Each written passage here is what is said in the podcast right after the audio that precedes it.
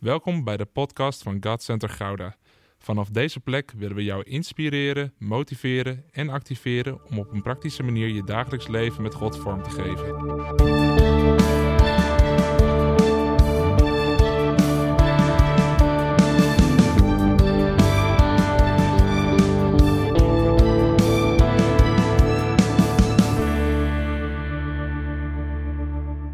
Welkom terug bij de serie over Promises. Waar wij elke week verder gaan over de beloften van God. En waar ik geloof dat God echt diepere inzicht aan het geven is, zodat we dat beloofde land en die verloren beloften over Nederland, over de kerk in Nederland, in bezit mogen nemen. En ehm, begin september hebben we het daarover gehad, over die verloren beloften. En vanuit die verloren beloften gaan we verder en verder. En vandaag gaan we het hebben over wat is jouw wapenrusting? Wat is jouw wapenrusting? En terwijl ik daarmee bezig was, moest ik denken aan mijn oma. En ehm, ik, heb een hele lieve oma. Maar, maar, maar die heeft één eigenschap. En dat, dat vind ik altijd een beetje ingewikkeld. En dat is namelijk dat in haar overtuiging toch wel de manier van vroeger altijd beter is. Wie heeft er ook zo'n oma? Wie durft dat niet zijn hand op te steken omdat hij bang is dat de oma de livestream kijkt? Dat kwam tot de climax toen wij Boas kregen. Want zeg maar, als, als oma dan ook nog grootoma wordt, dan, dan toen voelde ze echt een neiging om echt in, in alles te laten merken dat dat vroeger toch wel beter ging en makkelijker. En zo deden we dat vroeger, dus doe dat ook gewoon zo. Dat was eigenlijk continu de kern van het verhaal als we beide waren. En dat vond ik best wel ingewikkeld. Want ik dacht, ja, weet je, vroeger deden jullie dat zo en dat is goed, daar doe ik niks aan af. Maar wij doen het nu gewoon zo, is dat oké, alsjeblieft? Maar dat was bijna niet oké. En toen dacht ik van, hoe vaak is de kerk als een oma? Hoe vaak ben jij oma? Zullen we lezen met elkaar? Laat die maar even vallen. We gaan lezen uit 1 Samuel 17, vers 31 tot en met 40 en je mag gaan staan. Davids vragen bleven niet onopgemerkt. David is gestuurd door zijn vader naar het front om eten te brengen. En hij ziet daar Goliath ziet hij toetreden en hij ziet daar alle soldaten zo ongeveer wegrennen. En hij begint te vragen van wat is hier aan de hand. En zijn vragen blijven niet onopgemerkt. Men vertelde het aan Saul, de koning. En die liet hem bij zich komen. David zei tegen Saul, we hoeven niet om die Filistijn moed te verliezen, heer. Ik zal met hem het gevecht aangaan. Maar dat kun je toch onmogelijk aan. Je kunt hem onmogelijk aan, wierp Saul tegen. Je bent nog maar een jongen en hij is al van jongs af aan gewend om te vechten. Ik heb altijd de kudde van mijn vader gehoed, antwoordde David. Wanneer er een leeuw of een beer kwam om een schaap of een geit uit de kudde te stelen, ging ik erachteraan. Ik overmeesterde hem en redde het dier uit zijn muil. En als het mij dan wou aanvallen, dan greep ik hem bij zijn kaken en dan sloeg ik hem dood. Ja. Nou, laat de leeuw maar komen. We, gaan. Uh, leeuwen en beren heb ik verslagen en die onbesneden Filistijn zal het net zo vergaan, omdat hij de gelederen van de levende God heeft beschimd. De Heer, die mij heeft gered uit de klauwen van de leeuw en de beren, zal me ook redden uit de handen van die Filistijn. Dat was een best wel overtuigend betoog, wat David daar deed. Want van, je kunt het toch onmogelijk aan, is het, ga dan, zei Saul tegen David, en mogen de Heer je bijstaan. Dat is een soort schietgebedje. Zo van, oké, ga maar en, ho, laat de Heer je bijstaan. Dat was geen geloof, dat was een schietgebedje. En hij gaf hem zijn eigen uitrusting en hielp hem om dat aan te doen. Een bronzen helm voor zijn hoofd en een borstkuras. En tenslotte gorde David het zwaard om en probeerde hij een paar passen te lopen. Maar omdat het zo'n zware uitrusting was en hij dat niet, gewend, uh, en dat niet gewend was. Ik kan hier niet in lopen, zei hij tegen Saul. Ik ben dat niet gewend. Ik ben dat niet gewend. Zo'n tussenzinnetje, hè? Ik ben dat niet gewend. En hij deed de uitrusting weer af. Hij pakte zijn stok, zocht vijf ronde stenen uit de rivierbedding en stopte het in zijn herderstas. Toen liep hij op de Filistijn af, zijn slinger in zijn hand. En dat is echt het moment dat elke goede serie of film zegt, en dan gaan we nu naar de reclame. Cliffhanger. Want dan weten we zeker dat je volgende week terugkomt. En dat doe ik nu ook. We gaan lezen tot hier. Ga lekker zitten.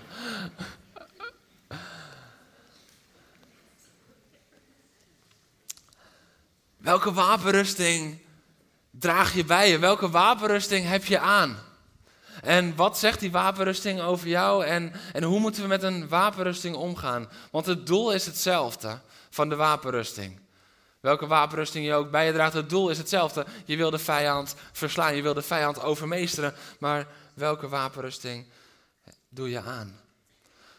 Maar voordat we naar die vraag gaan kijken, wil ik iets met je oppakken wat niet zozeer beschreven staat echt als een uh, moment van oké, hier moeten we het over hebben, maar wat heel essentieel is. En het viel me op dat ik dacht van, het is eigenlijk heel interessant dat David zijn slinger bij zich heeft. En daar moeten wij wat uit leren. Want heb jij altijd je slinger bij je? Heb jij altijd het wapen dat God jou heeft gegeven, heb je het altijd bij je? Want David, die heeft als je iets eerder leest, dan heeft hij de kudde achter zich gelaten. Hij heeft dat onder de verantwoording van een andere knecht gesteld. Dus op dat moment is hij niet in functie. Hij is niet in functie als herder. Maar hij heeft wel zijn slinger bij zich. Hij heeft zijn slinger namelijk altijd bij zich, want hij weet, dit is mijn wapen. En hoe vaak is het zo dat wij ons wapen, dat God ons heeft gegeven, een talent, een gave, dat we het echt altijd bij ons hebben? Of dragen we het vooral met ons mee als we op zondagochtend hierheen gaan? Als ons wapen is dat God ons gave van profetie heeft gegeven, is dat dan alleen in de gemeente zichtbaar? Of bemoedig je daar ook je collega's mee? Of je klasgenoten? Draag je je wapen altijd bij je? Draag je slinger altijd bij je? Ik had daar nog nooit zo over nagedacht. Dat David, die wordt gestuurd om wat eten te brengen. En wat neemt hij mee? Hij neemt zijn slinger mee. Want hij moet bij de koning komen en dan zegt hij niet, nou koning, weet je, ik heb thuis een slinger liggen. Ik ben over een paar dagen terug en dan is het goed. Dan ga ik tegen, nee, dezelfde dag nog. Hij kon gewoon naar Goliath toe gaan. Hij kon de reus van zijn leven slechten, omdat hij direct zijn wapen bij zich had.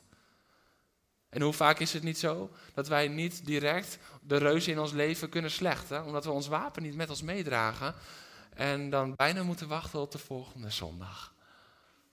Maar jij bent gemaakt om te overwinnen. Ieder moment van de week. Met jouw wapen in je hand.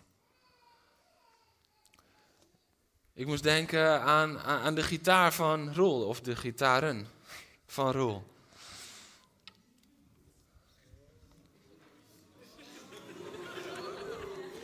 Hij is jarig geweest, dus als het misgaat, dan halen we een offer voor hem op.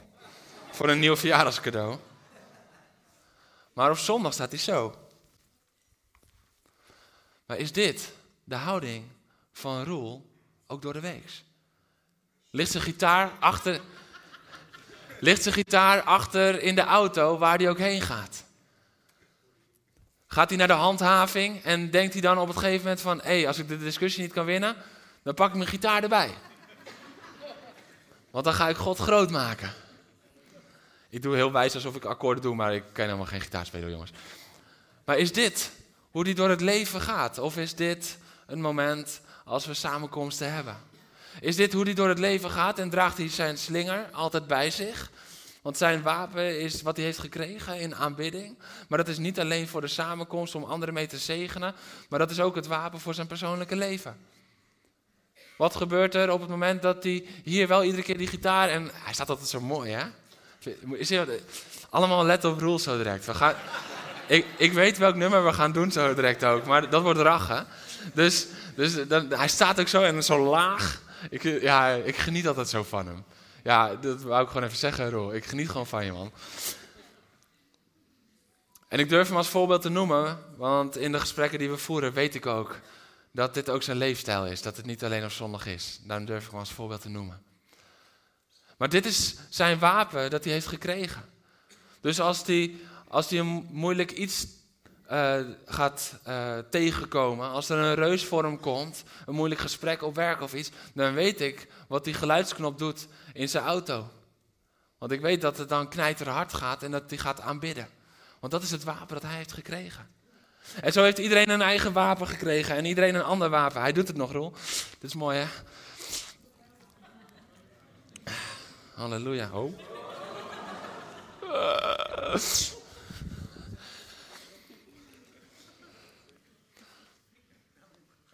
Draag je wapen altijd bij je.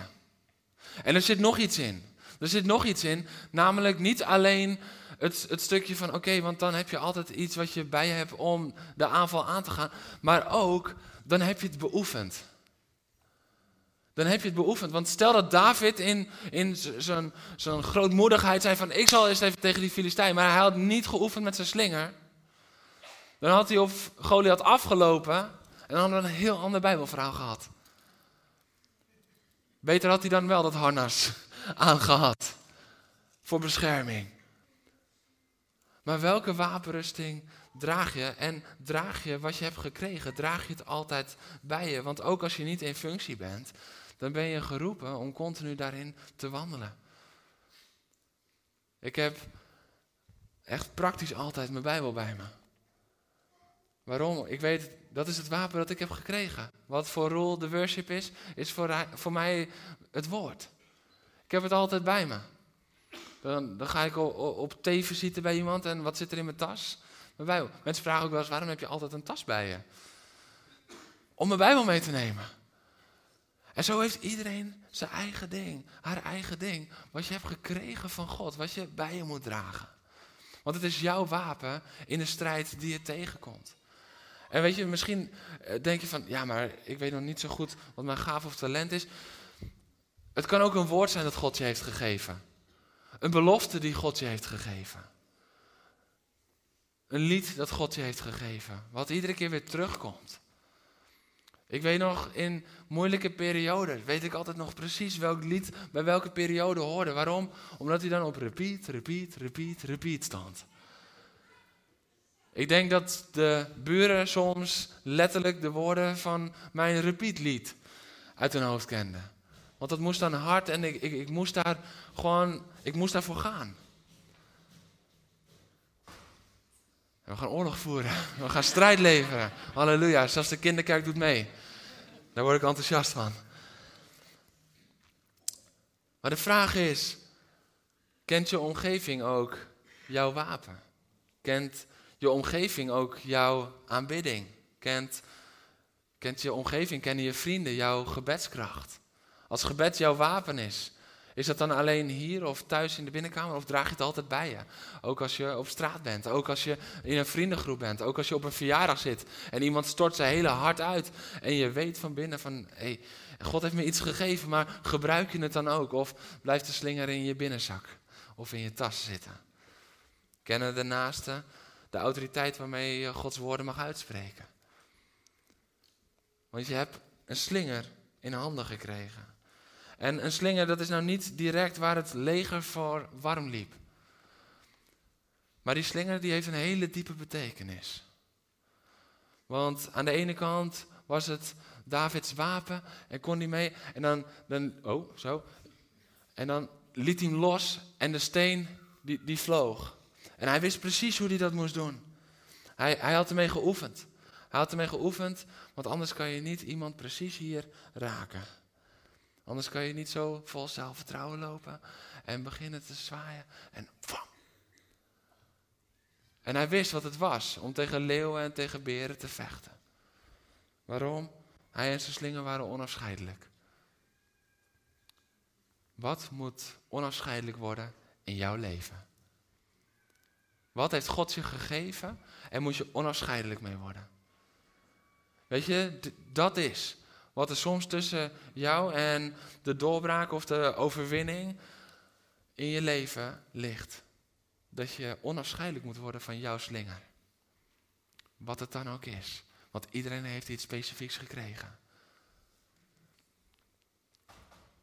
Je hebt een slinger in handen gekregen en met die slinger is niets onmogelijk. Er is niets onmogelijk. als David Goliath kon verslaan. Je bent nog maar een jongen.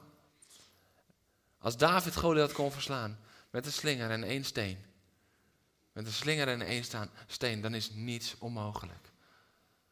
En dat zit hem niet in dat wij tot in perfectie goed genoeg moeten worden, goed genoeg moeten leren kunnen. Nee, maar dat is dat we vertrouwd raken met wat God ons heeft gegeven. Daar staat het voor, wat God ons heeft gegeven, want dan doet Hij de rest. Dan doet Hij de rest. Maar we moeten wel vertrouwd zijn en handelen met wat God ons heeft gegeven. Want als we daar niet mee gaan handelen, als we daar niet mee gaan wandelen, dan kan God ook niet het wonder doen waar we zo naar verlangen.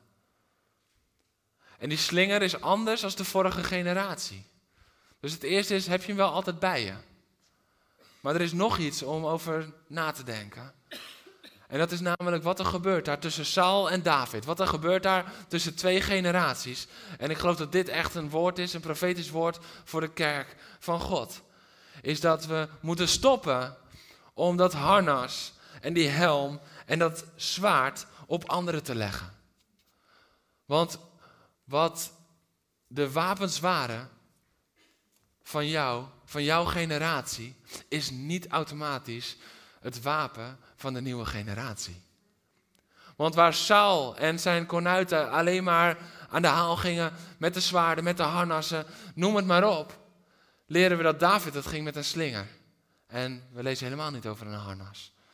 Hij ging gewoon in zijn herderskleren, in zijn vrije tijdskleren, waarmee hij was aankomen lopen. Het zag er anders uit. En de overwinning werd anders behaald. Alles was anders. Maar hetzelfde doel voor ogen. Ze waren gewend om met zwaarden en harnassen te vechten. Maar David ging het anders doen. David had iets anders gekregen. En ze proberen dan dat harnas op die kleine David te leggen. Want David was nog maar een jongen. En Saul was groot van gestalte. Dus die wapenrusting van die grote Saul, die gaat dan op die kleine David. En David kan amper nog lopen. Want hij probeert het, maar het is te zwaar en hij is het niet gewend. Hoe vaak leggen we niet op anderen wat wij gewend zijn, maar anderen niet? Hoe vaak is het niet zo dat onze gewenning, dat dat een bepaalde waarheid wordt in ons leven? Zo moeten we aanbidden. Moet 30 minuten duren. En we moeten de dienst zo opbouwen. En dan de bediening die hoort inderdaad na de preek. Lekker slingeren. En zo moet het, want zo heb ik het geleerd en zo heb ik het altijd gedaan. Zo heb ik, ik, ik. Hoe vaak is het niet zo? Dat we zeggen als oudere generatie, oké, geweldig dat de nieuwe het overnemen. Hier heb je mijn harnas. Nou, er zijn twee dingen heel fout aan het geven van je eigen wapenrusting aan een ander. De, twee, de eerste ga ik het volgende week uitgebreid over hebben. Dat is namelijk dat je hem zelf uit hebt gedaan. Tot volgende week. En de tweede is, het is beklemmend voor de ander. Want waar jij helemaal mee gewend bent, de ander is daar helemaal niet mee gewend. En die kan dan ook helemaal niet vrucht dragen op die manier. Dus die voelt zich, dat harnas is voor jou een stuk veiligheid.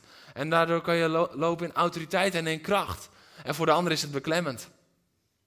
Voor de ander is het beklemmend. Oké, we gaan even wat, wat uh, heilige huisjes omgooien dan, maar ook gewoon gelijk. Weet je wat ik heel vaak hoor? Je hebt verschillende worshipleiders. En uh, dan is er altijd één favoriet, want dat past het meest bij jou.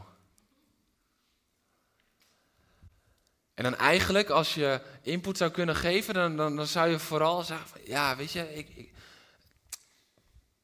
wat, wat, meer van uh, Eline Bakker. Of iets meer van uh, opwekking. Of um, ja, weet je, ik denk, je doet het echt fantastisch. Maar het zou echt super mooi zijn als je iets meer elevation erbij pakt. En wat je doet, is zeggen: ga dan, precies zoals Saul zei, Maar pak dan wel mijn helm erbij. Pak dan wel mijn zwaard erbij. Mijn harnas erbij. Want doe het een beetje meer zoals ik, want ik ben daarmee gewend. En dat is dan ook heel goed voor jou. Maar het is niet goed voor jou. Ik ben heel dankbaar dat de worshipleiders verschillend zijn. Ik vind het heerlijk. Zolang ze maar zichzelf blijven. Anders wordt het een probleem. Maar als wij ze gaan harnassen, dan zullen we op het gegeven moment merken van hé, hey, ik mis iets aan vrijheid in de worship. Als wij ze gaan, gaan harnassen en zeggen van je moet met zo'n zwaard aan de gang waar ze niet mee gewend zijn, dan vragen we iets van ze wat niet bij hun identiteit past. Niet wat God in hun heeft gelegd. En dat gaat ervoor zorgen dat gevechten verloren gaan. Dan moet je nagaan wat er was gebeurd als David dacht, ja inderdaad, ik zal maar met het harnas gaan. En dat hij zo naar beneden was gelopen richting Goliath. En dat hij zei, hé hey, Goliath, in de naam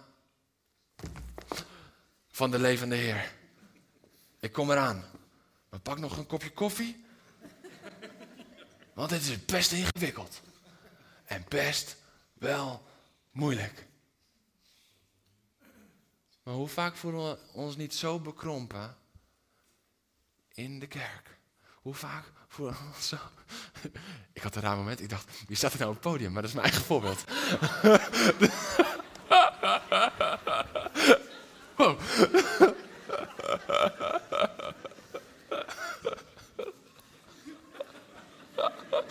Slok mijn hoedje.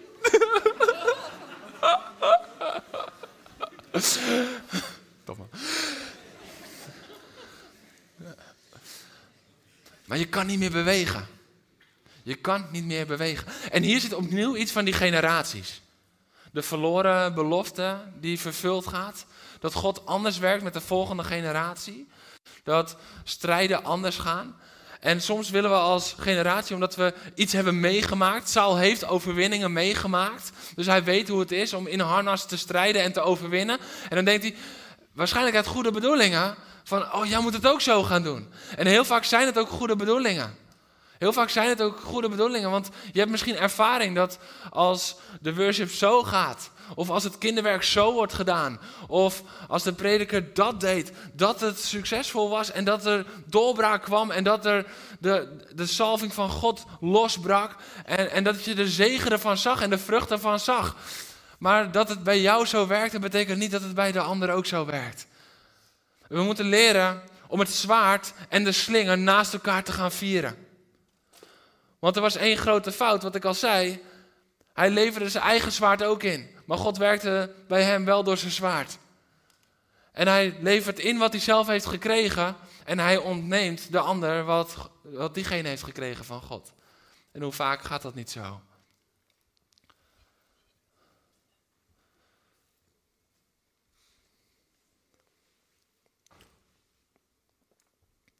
Dit is iets wat er heel vaak gebeurt. Niet alleen in de kerk, kijk, op werk gebeurt het ook. En moet je, moet je kijken wat er op school gebeurt. Mijn schoonvader, die is er altijd heel uitgesproken over, die zegt... Tot vier jaar zijn kinderen altijd 100% creatief. Daarna wordt het geroofd. Want dan moeten ze in het keurslijf van wat we met z'n allen... Wacht eens even, de, leer, de volgende generatie, want die maakt alles... Wat ze vinden, wat ze moeten doen. En zo gaat het vaak in ons leven. Je komt ergens een bedrijf binnen en, ze hebben je aangenomen om je verfrissende ideeën. En na drie maanden zit je in het keurslijf van, ja maar hou eens even, wij doen het hier zo. En het werkt beklemmend. En je voelt zo'n harnas omgaan. En je denkt, ja, nou, ik kan nog een klein beetje. Maar echt soepel bewegen kan ik niet meer. En je voelt de potentie die God in je heeft gelegd, voel je gewoon uit je stromen. Dat is niet de kerk die we willen zijn. Heel simpel, omdat het lichaam van Christus niet zo hoort te werken. Elk lichaamsdeel werkt anders. Ben jij even blij dat je voet wat anders doet als je hand? Anders wordt het lastig lopen. Ben jij even blij dat je ogen anders werken als je tong? Anders wordt er of heel veel gepraat of heel veel gezien. Het moet anders werken. Waarom? Omdat het elkaar aanvult. Maar dat moeten we leren zien. Dat moeten we leren zien. Want de ene heeft dat harnas gekregen Maar leg dat dan niet de volgende generatie op. Zeg niet van ja, maar zo, zo hebben wij een opwekking meegemaakt. Zo hebben wij groei meegemaakt. Dus zo moeten we het blijven doen. Nee, zo hebben jullie dat meegemaakt en dat vieren we, dat eren we. En tegelijkertijd, de Heilige Geest komt ook weer met vernieuwing. Die doet het ook weer op nieuwe manieren. Jij denkt misschien van nee, vlaggen is de Bijbelse vorm van expressie. Terwijl de nieuwe generatie misschien juist wel wil dansen. En wij denken nog steeds met z'n allen dat het vooral de band moet zijn. Ik geloof dat er op een dag uh, ook een DJ kan staan op het podium. Die samen met de band gaat. Ja. Doe dat harnas maar af en laat die slinger maar zijn werk doen. Waarom? Gewoon, gewoon heel simpel. Omdat God vernieuwt. De Heilige Geest geeft mensen iets heel specifieks. En als het God, tot Gods eer is, 100% zuiver, dan is dat alleen maar goed. En pak die slinger er dan bij. Want hoe vaak horen we niet, het moet er zo uitzien. Of, of misschien hoor je het thuis wel. Papa deed dat ook altijd zo vroeger. Luister, dit is hoe we het gaan doen. We hebben het nooit anders gedaan. Dat is er ook zo een, hè? We hebben het nooit anders gedaan. Alsof dat de reden is om het nooit anders te gaan doen. Maar dat zeggen we wel vaak. Want dit zijn we gewend. Maar wat is jouw wapen?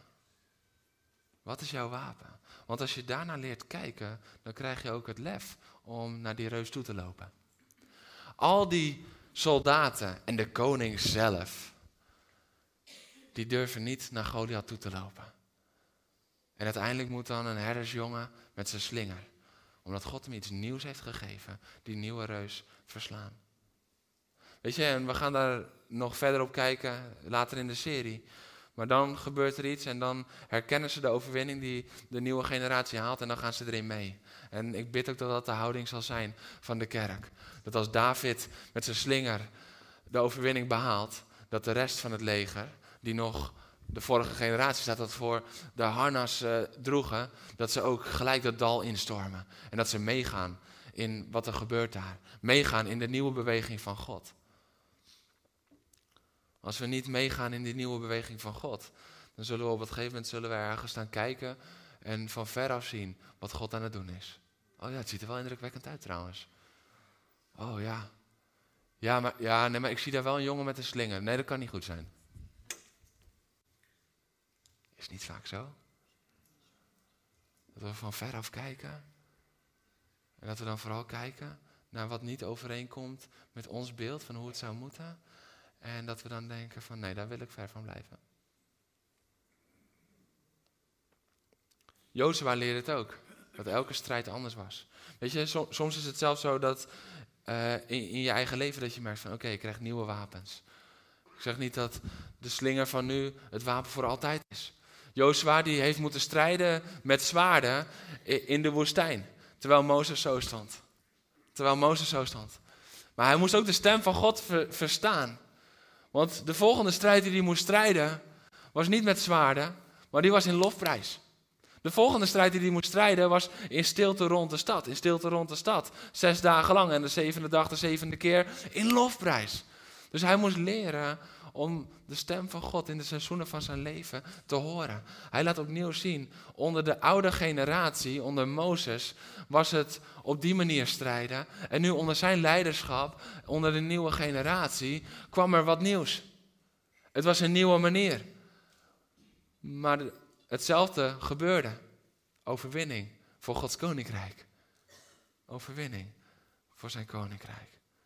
Weet je, God geeft geen trucje om op dezelfde manier iedere keer te overwinnen in de strijd. Hij weet namelijk dat we dan op het gegeven moment vroeg of laat gaan we de overwinning naar onszelf toetrekken. Dan gaan we, gaan we een beetje te veel in onszelf geloven. Dan gaat het vaak een beetje mis. Dan gaan we naast onze schoenen lopen. Hij vraagt het vertrouwen en de overgave, zodat we altijd afhankelijk van hem blijven. Hij geeft geen trucjes. Hij zegt niet, als je nou één keer zo onder de knie hebt, dan gaat het de rest. Nee, want dan heb jij het onder de knie. Nee, hij wil jou op je knieën. Hij geeft jou niks onder de knie. Het enige wat onder de knie moet zijn, moet de grond zijn, omdat we onze strijden, geknield strijden en in overgave aan Hem. Als we dingen onder de knie krijgen, dan, worden we arrogant. Zien we in het woord ook. Op het moment dat het volk iedere keer denkt dat ze het zelf wel kunnen, worden ze arrogant, nemen ze afstand van God en denkt niet, dat zal mij niet overkomen. Want dat is wat er bij elk mens op de loer ligt. Maar op je knieën. Op je knieën. God brengt je graag op je knieën. Dat is de beste plek waar je kan zijn, op je knieën. Ik geloof in een nieuwe creativiteit in de kerk. In de aanbidding. Ik kijk er naar uit. De dag dat er iemand naar me toe komt en die zegt van mag ik tijdens de worship gewoon gaan schilderen? En dan zeggen wij ja. Alsjeblieft.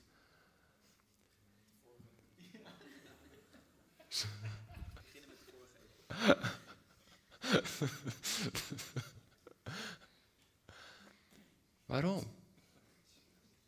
Het is een slinger. Het is een slinger.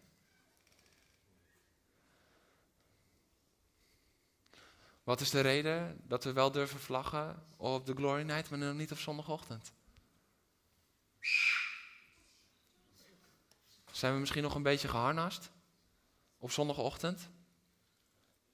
En s'avonds op de Glory dan is het wat losser, weet je wel. Dan, uh, ja, dan, dan, dan kunnen we. Same God. Weet je, bij dezelfde God kijken we altijd terug naar de vorige generaties en naar de eeuwen. Maar soms maken we gewoon een verschil in God tussen ochtends en s avonds. Hij is dezelfde. Dus als hij s'avonds jouw vlaggen waard is, is hij dat ochtends ook. Als jij verlangt om te dansen voor hem, dans. Maar als je een harnas hebt aangekregen van de vorige generatie, van vorige ervaringen, van een vorige gemeente misschien, dan ga je amper kunnen bewegen. Maar het nadeel is dat je dan ook niet tot bloei kan komen. Dat je niet kan ontwikkelen. Dat je niet kan groeien. Dat de overwinning die voor jou bedoeld is, dat je die niet kan behalen. Omdat je je slinger veilig hebt opgeborgen onder het harnas. Want die droeg hij toch wel bij zich. Maar weet je wat het gevaar is? We denken van ja, maar. En dit is vaak wat we doen. Het is niet zozeer dat we de slinger afpakken. Maar we zeggen, ja, is een goed idee. Maar hier heb je ook mijn gedeelte. Maar met de wapenrusting van Saul aan kon David ook niet slingeren. Dat is het. Het is niet zozeer dat ze zijn slinger afpakten. De slinger is nog helemaal niet in het verhaal voorgekomen. Het is niet dat Saul zei, doe de slinger weg, we gaan het zo doen. Nee, maar hij belast hem met zijn eigen visie, met zijn eigen kunnen, met zijn eigen denken, met zijn eigen opvattingen, met zijn eigen ervaringen. Waardoor, ook als hij dat aan had gehouden, hij niet met zijn slinger aan de slag kon gaan, want hij kon amper bewegen. We willen in beweging blijven met elkaar.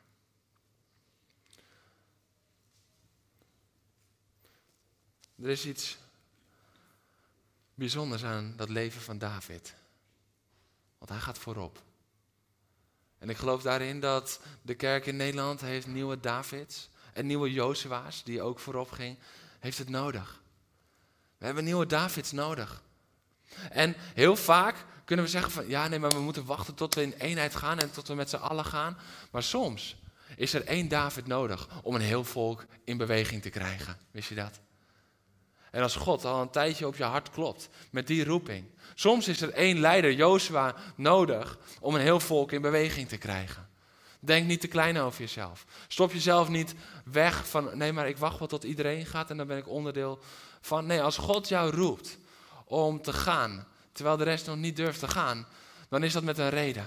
Als God jou roept, dan is dat met een reden, namelijk dat jij geroepen bent om een doorbraak te forceren, waarop een heel volk kan meegaan.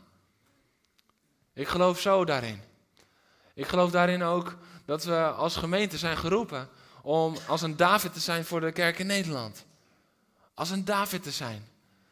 Gewoon in het vernieuwende, in het durven gaan, om Goliath gewoon eens even oog in oog te kijken. Weet je hoe vaak de kerk in Nederland uit een bepaalde angst denkt van oké, weet je wat, Ja, ik geef ze groot gelijk. Ik geef ze groot gelijk. Ik ga tussen de rest van het leger staan. En wat we dan doen is, we gaan ertussen staan en iedere keer als Goliath, s ochtends en s avonds, 40 dagen lang, 80 keer, stond hij daar. En stond hij te vloeken, stond hij te tieren, stond hij iedereen belachelijk te maken. Iedere keer als hij naar beneden kwam, renden ze weg. Renden ze weg. Zolang we blijven wegrennen, onder de druk van de reuzen die we tegenkomen, zullen we nooit de vrijheid ervaren die God voor zijn kinderen bedoeld heeft. Maar durven we te gaan? Durven we te zeggen, en dit is wat de Heer heeft gesproken. Dit is wat zijn woord zegt. Dit is wat in zijn belofte ligt. Dit is waarvoor Jezus ging. Dit is, en zoals hij gezonden is, zo zijn wij ook gezonden. Met mijn eigen slinger mag ik gaan. Het is tijd voor een nieuwe drijf en een nieuwe overgave. Een nieuwe drijf en een nieuwe overgave. Maar je moet weten, oké, welke Goliath komt er mijn leven binnen?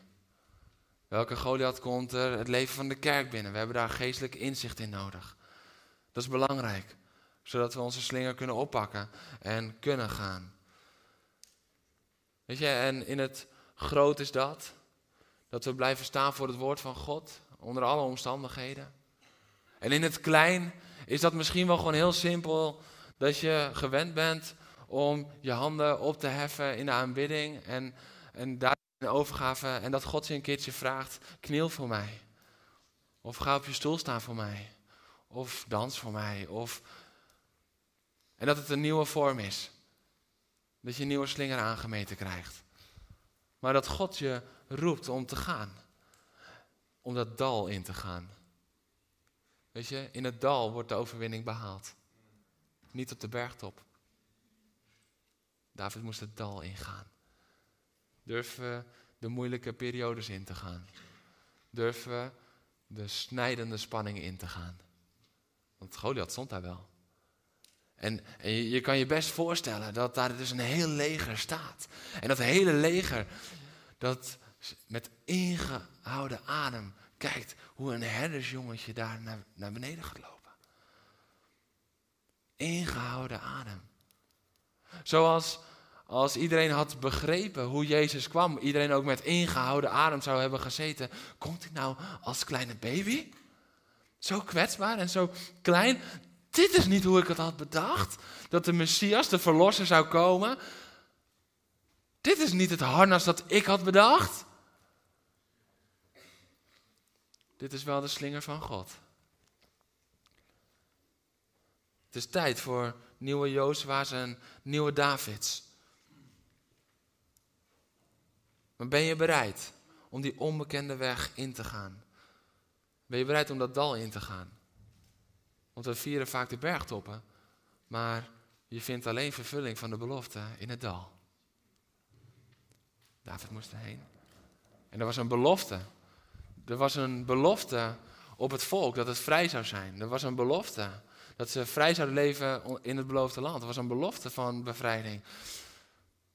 Maar er hingen donkere wolken boven die belofte. Zolang er niemand dat dal inging. We hebben net gezongen. God is fighting for us. Pushing back the darkness. Lighting up the kingdom that could not be shaken. In the name of Jesus. Enemies defeated. And we will shout it out. Shout it out. Maar weet je wat het is? Ik denk dat dat er een beetje zo heeft uitgezien. Dat alle soldaten met elkaar, daar elke ochtend traden ze op, hè, met de gelederen, gingen ze staan. En ik kan me zo voorstellen, dat, deden ze dan onder een lied en onder strijdkreten. En dat is hoe een leger zich opstelde in die tijd. Dat ging gepaard met. En dan stonden ze daar en als het ware stonden ze te zingen: God is fighting for us, pushing back the darkness. En daar komt Goliath aan. Ah!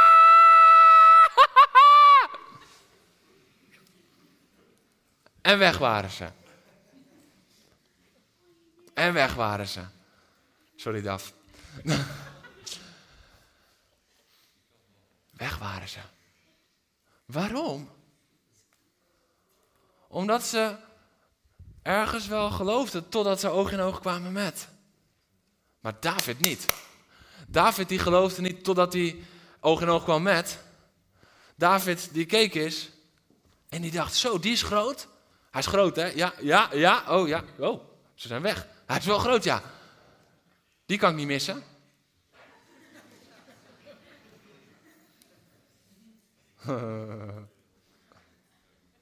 Die kan ik niet missen. Met mijn slinger. Want God heeft mij iets gegeven wat die anderen nog niet hebben, maar waarvan ik zeker weet, dat gaat overwinnen. Dat gaat overwinnen. En de rest kon het zingen totdat ze oog in oog stonden met een reus. En heel vaak is het ook zo in ons eigen leven. Hoe vaak zingen we niet, God is fighting for us, pushing back to darkness. En op maandagochtend vluchten we weer voor diezelfde situatie waar we over hebben gezongen, vol overtuiging. Maar nu rennen we met nog meer overtuiging weg. Is dat niet vaak wat er gebeurt? Dat we harder wegrennen als dat we zingen op zondag. God zegt, ik heb jou een slinger gegeven. Ik heb jou gegeven wat jij nodig hebt voor jouw reus. En het is tijd om daarin op te staan. Het is tijd om daarin te gaan. Ik vraag dat de worship alvast naar voren gaat komen. God is fighting for us. We kunnen dat zingen. Maar weet je wat het is? Zolang we zelf niet in beweging komen onder het zingen van zo'n lied. Zolang we zelf niet in beweging komen tijdens het proclameren van zijn waarheid, zullen we het niet zien. Reken maar dat er in die 40 dagen wat waarheid is geproclameerd hoor. Maar niemand durfde te gaan. En God raakte Goliath niet met een bliksemschicht. Goliath kreeg geen hartaanval midden daar in, in het dal. Had God ook kunnen doen. Maar weet je, God kiest daar niet voor. Want God wil samenwerken. God wil samenwerken en hij wil jou bewust maken van het wapen dat je hebt gekregen. En dat is voor iedereen anders. En gelukkig is dat voor iedereen anders, want dan kunnen we elkaar aanvullen. Anders zouden we of alleen maar naar preken luisteren, of alleen maar zingen, of alleen maar welkomsteam hebben. Dan heb je elke zondag pijn aan je handen daarna, en pijn aan je schouders van de knuffels. En dan ga je weer naar huis. Ja, zou wel gezellig zijn. Ja, ja ik, ik zie je denken. Maar we zijn verschillend en iedereen heeft zijn eigen slinger gekregen. Iedereen heeft zijn eigen wapenrusting gekregen. En het is tijd dat we dat gaan vieren met elkaar. Maar dan moeten we wel ook dat dal in durven lopen. Dan moeten we ook wel dat dal in durven gaan en zeggen: Hé hey gast, heb je nou echt tegen mijn Heer? En lopen jullie nou echt weg voor die gast die het heeft over mijn Heer? En jullie zien een grote reus die je niet aan kan, omdat je nog steeds denkt vanuit de oude mindset. Met mijn zwaard kan ik er niet aan, met mijn harnas ben ik kansloos. Maar ik heb iets nieuws gekregen van God. En dat klinkt misschien anders. En dat is misschien anders dan de vorige generatie. Maar ik heb iets nieuws gekregen en dat gaat werken tegen deze reus. En weet je wat het mooie daarvan is? Dat het niets afdoet aan wat een andere generatie heeft gekregen. Het gaat pas in kracht afdoen als we het elkaar gaan opleggen. Als David had gezegd tegen Saul, nou weet je, ik geloof dat God iets beters heeft voor deze tijd. Hier heb je een slinger, ga jij maar tegen Goliath. Was ook niet goed gegaan, hè? Dus zullen we in eenheid optrekken met elkaar? En, en zwaarden en slingers vieren naast elkaar? En zullen we dan in eenheid de strijd aanheffen met elkaar? Omdat onze kracht dezelfde God is?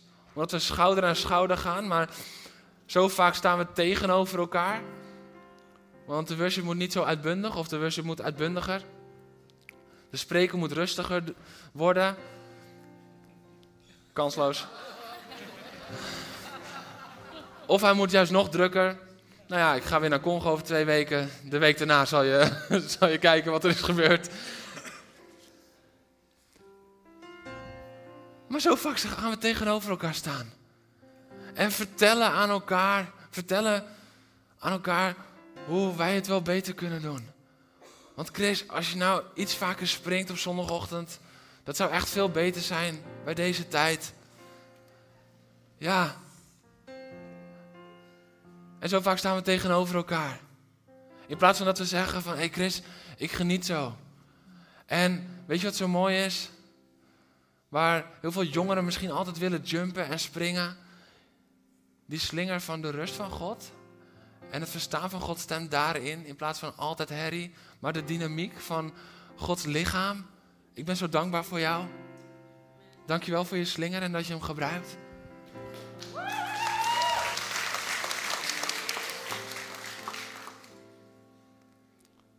Dat is hoe we de strijd kunnen aanheffen met elkaar. Dat is hoe we kerk horen te zijn met elkaar. Dat is de voorwaarde om de vervulling van de belofte te kunnen dragen met elkaar. Want je kan de vervulling van de belofte niet dragen in het harnas van een ander. In het harnas van een ander kan je niet bewegen. En er komt een tijd van vernieuwing aan. Tijd van vernieuwing in de kerk. Omdat die nodig is om de verloren belofte in vervulling te kunnen laten gaan en in te kunnen gaan nemen. En als je misschien die boodschap hebt gemist, kijk de begin september boodschap nog eens terug. Want het is echt een richtinggevende boodschap voor de rest van dit seizoen. Het is dezelfde belofte. Zoals Jozua 40 jaar later dezelfde belofte moest invullen, maar op een andere manier. Op een andere manier. Ik geloof nog steeds in de belofte van opwekking voor dit land. Ik heb vorige keer terug verwezen naar het Malieveld. Waar een grote opwekking was, waar duizenden mensen werden genezen tot bekering kwamen, tienduizenden mensen kwamen, allemaal op een veld in Den Haag. Zal het er hetzelfde uitzien?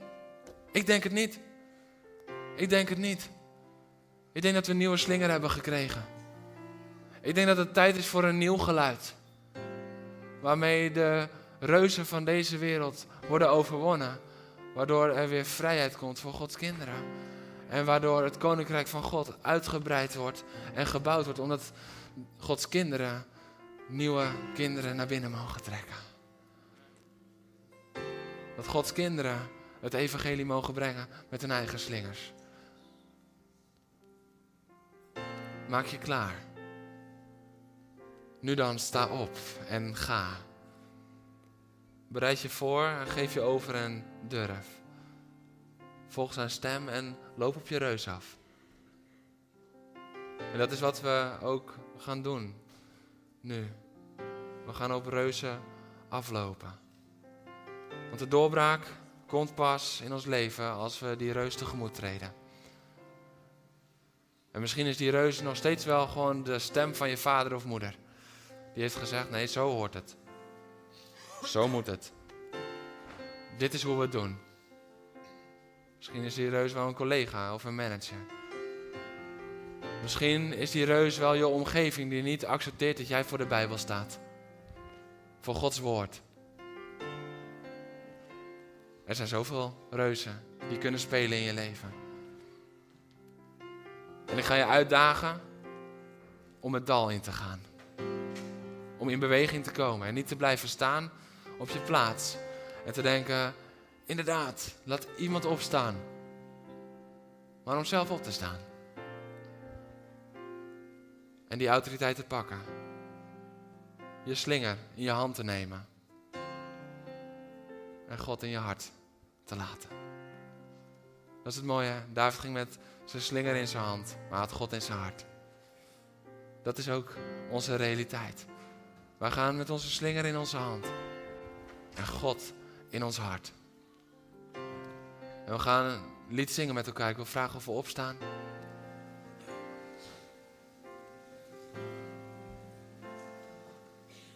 En het wordt krap, maar dat maakt niet uit. Maar ik ga je vragen om niet op je plek te blijven. Maar om als het ware die stap te nemen. Om je reus tegemoet te gaan. En dan zullen we zingen over de strijd die hem toebehoort. Want dat is Gods genade en daar sluit ik mee af. Dat is Gods genade. Op het moment dat jij besluit om te gaan. Om te gaan. En die steen in je slinger te leggen. Te slingeren. En los te laten. Los te laten. Dan gaat er iets voor jou uit. De steenrots. De steenrots die verwijst naar Jezus Christus. Door die slinger kon Jezus voor David uitgaan. Was het niet met zijn eigen strijd. Was het niet met zijn eigen kracht. Deze is voor jou. De steenrots gaat voor je uit. Dat is wat er gebeurt. Maar we moeten dat dal inlopen. Want als we het dal niet inlopen, kan die steen niet voor ons uitgaan. Jij bent gemaakt om met je slinger te gaan. Zodat Jezus voor je uit kan gaan. We gaan aanbidden. En ik vraag je om te stappen. En om Jezus voor je uit te laten gaan.